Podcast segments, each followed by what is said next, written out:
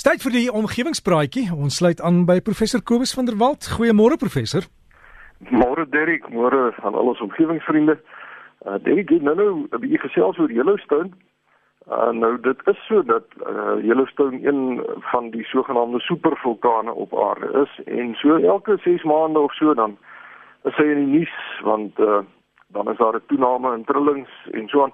Maar ek dink wat ek moet doen is ek moet maar my huiswerk ordentlik gaan doen dan sal ek as ek gespaar bly volgende week 'n bietjie meer daaroor gesels. My eerste intuïsie is uh jy weet die mense se voorstel uh, wat nou sê hulle wil 'n gat in die ding inboor om die druk te verlig. Uh my my eerste gevoel is hulle gaan speel met kragte waaroor die mens geen beheer gaan hê nie. Uh dit is soos om 'n tsunami te probeer keer met met 'n muurtjie wat jy bou dit um, maar laat ek my werk ordentlik gaan doen dan kan ons volgende week 'n bietjie daaroor gesels. Ja, dit het verlede week gesê dat daar van ons luisteraars is wat gevra het dat ek weer iets moet sê oor die idee om water met tankskepe van die Kongo af te vervoer Kaapstad toe. En ek doen dit graag. Uh, nou die idee is om hierdie reuse olietankkepe te huur uh en dit vir die vervoer van water te gebruik. En die uh, mens kan bloot teen die Weskus opvaar tot reg oor die monding van die Zaire rivier. Want daardie magtige rivier se afloop is gemiddeld ongeveer 50 miljoen liter water per sekonde.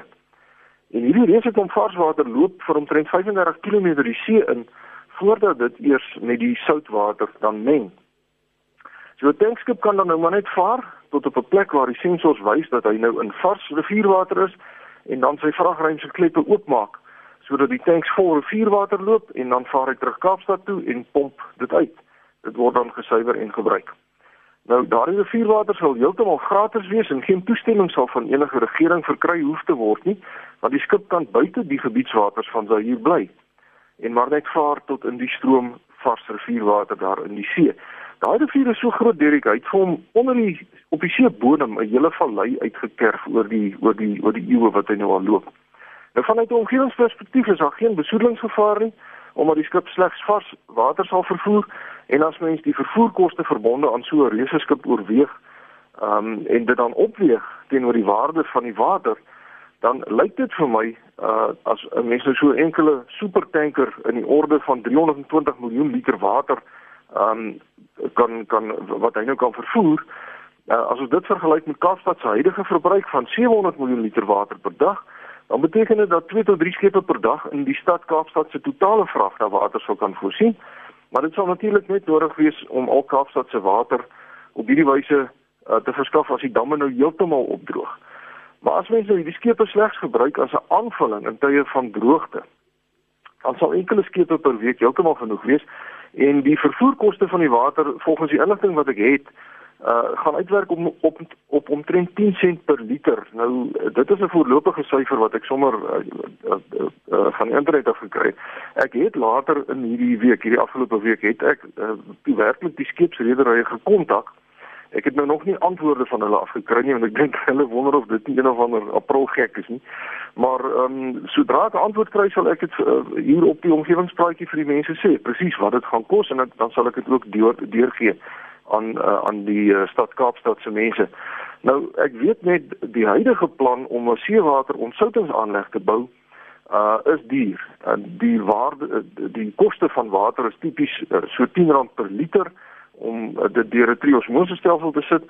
Uh so dit dit klink vir my of die idee om groot tankskepe te huur uh om die rivierwater van ons daar hier af nou na Kaapstad te vervoer uh dalk vanuit 'n ekonomiese perspektief baie sin kan maak. En dit is 'n idee wat na my beskeie mening verdere ondersoek werd is. Maar ek sal uh, as ek meer inligting kry, sal ek weer daaroor gesels.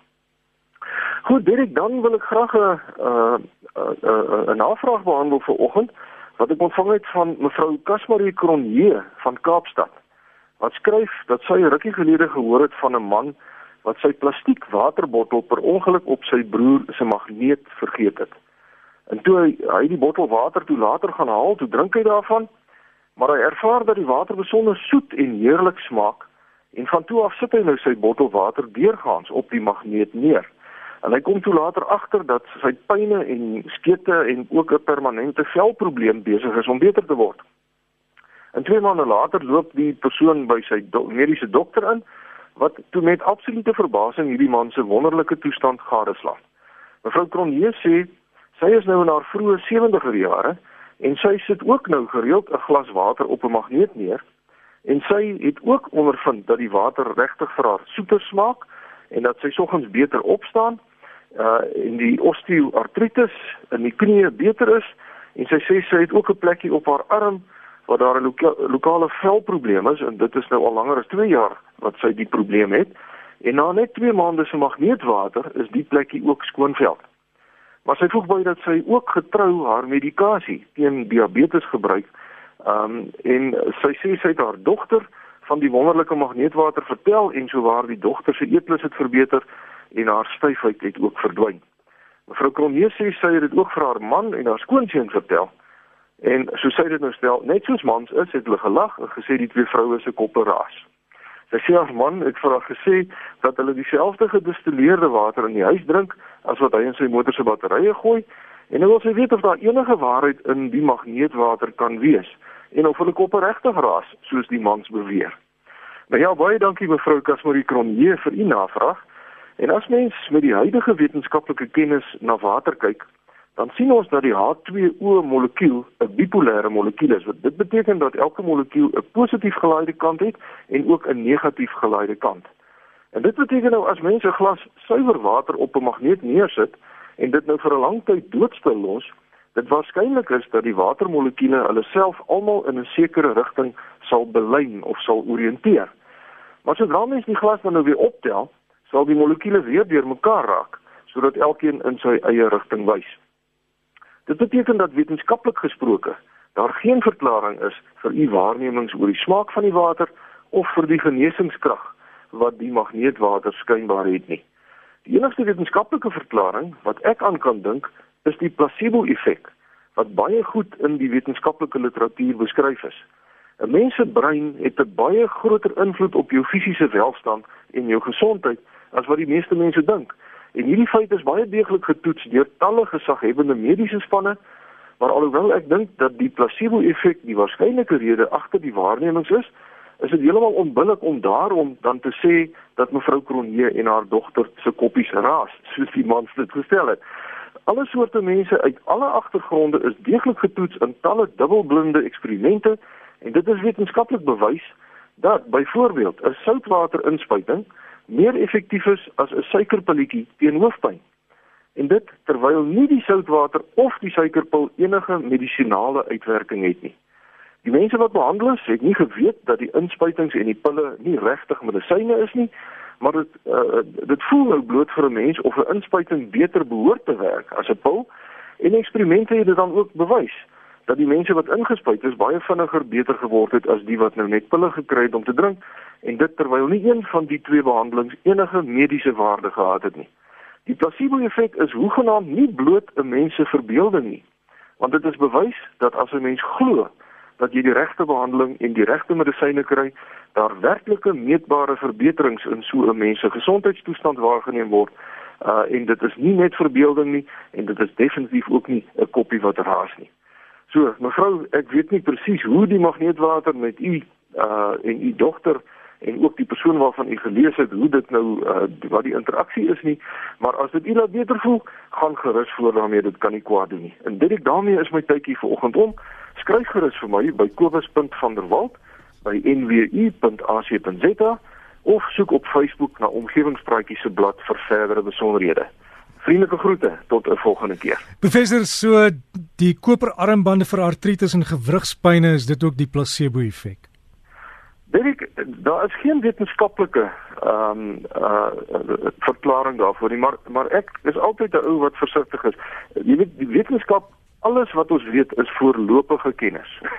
jy weet ja, niemand byvoorbeeld op hierdie aarde het al ooit 'n atoom gesien nie. Ons het maar 'n model van hoe ons dink uh die atoom lyk dat daar 'n kern is met met neutrone en protone met elektrone in orbitale om die ding en so. Niemand het nog gesien hoe of dit regtig so is nie, maar die model werk vir ons. Maar dit kan wees dat ons oor 'n paar dae of oor 'n paar jaar uh, dat dat daar iemand met 'n heeltemal 'n nuwe idee kom wat wat uh, wat vir ons wys dat ons toe al die jare verkeerd was. So werk 'n armband met 'n magneet om jou of 'n koperarmband uh, of werk magneetwater, die huidige wetenskaplike kennis sê nee. Dit dit dit kan nie werk nie. Dit moet dan die placebo effek wees Maar weer eens die placebo effek is 'n wetenskaplike ding. Dit dit is bewys. Dit is nie net mense verbeelding nie. Uh en mense wat dan beter word is is nie ehm um, jy weet soos die die twee manne dit gestel het, hulle koppies raas nie. Dit is werklik so dat jou brein 'n groot invloed het op jou gesondheidstoestand. En van daar die Engelse gesegde the power of positive thinking. Jy kan jouself letterlik gesond dink. Professor Kobus van der Walt, dankie vir die raad. Ons sal dit ter harte neem. As jy wil kontak maak, Kobus met 'n K. van der Walt by nwu.ac.za.